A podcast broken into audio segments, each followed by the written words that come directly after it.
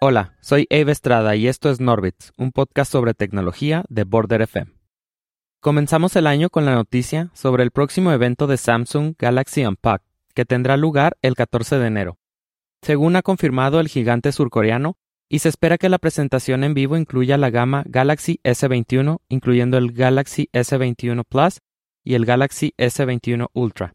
Una invitación en video para el evento subtitulada Welcome to the Everyday Epic confirma los rumores de un lanzamiento en enero, que será retransmitido por YouTube a las 10 de la mañana del 14 de enero. Publicada el domingo por la noche, la invitación proporciona relativamente pocas pistas sobre lo que puede esperar pero una gran cantidad de rumores y filtraciones parecen haber cubierto casi todo lo que Samsung mostrará. El corto video muestra un objeto negro borroso flotando dentro de un cubo de vidrio esmerilado generado por computadora, con el objeto aparentemente teniendo tres baches en un lado. Basándose en rumores anteriores, esto puede ser una referencia a un nuevo diseño de las protuberancias de la cámara para los nuevos modelos del smartphone que incorporará la protuberancia en el material del chasis principal de en la esquina.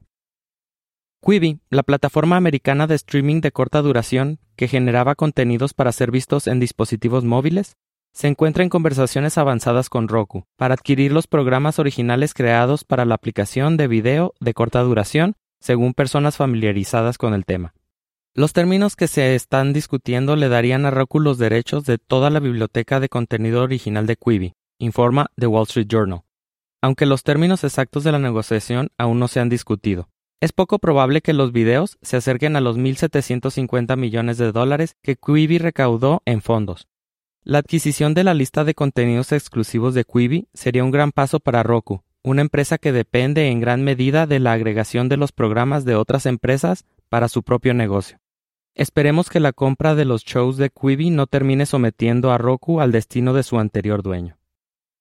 Twitter ha confirmado la adquisición de Breaker, una aplicación de podcast centrada en la interacción social.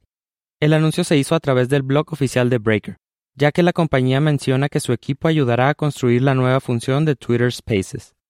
Al igual que las otras aplicaciones de podcast, Breaker permite a los usuarios buscar, descubrir, administrar y suscribirse a los podcasts. Sin embargo, también cuenta con su propia red social para que los usuarios puedan seguir a sus amigos y también gustar, comentar y compartir sus podcasts favoritos. El mes pasado, Twitter anunció públicamente que está probando Spaces, que funcionan como las salas de chat con audio dentro de la red social. No hay detalles sobre qué tipo de tecnología construirá el equipo de Breaker, aunque la capacidad de exportar conversaciones para escucharlas más tarde, al estilo de los podcasts, podría ayudar a extender las discusiones más allá de las personas que están escuchando en vivo.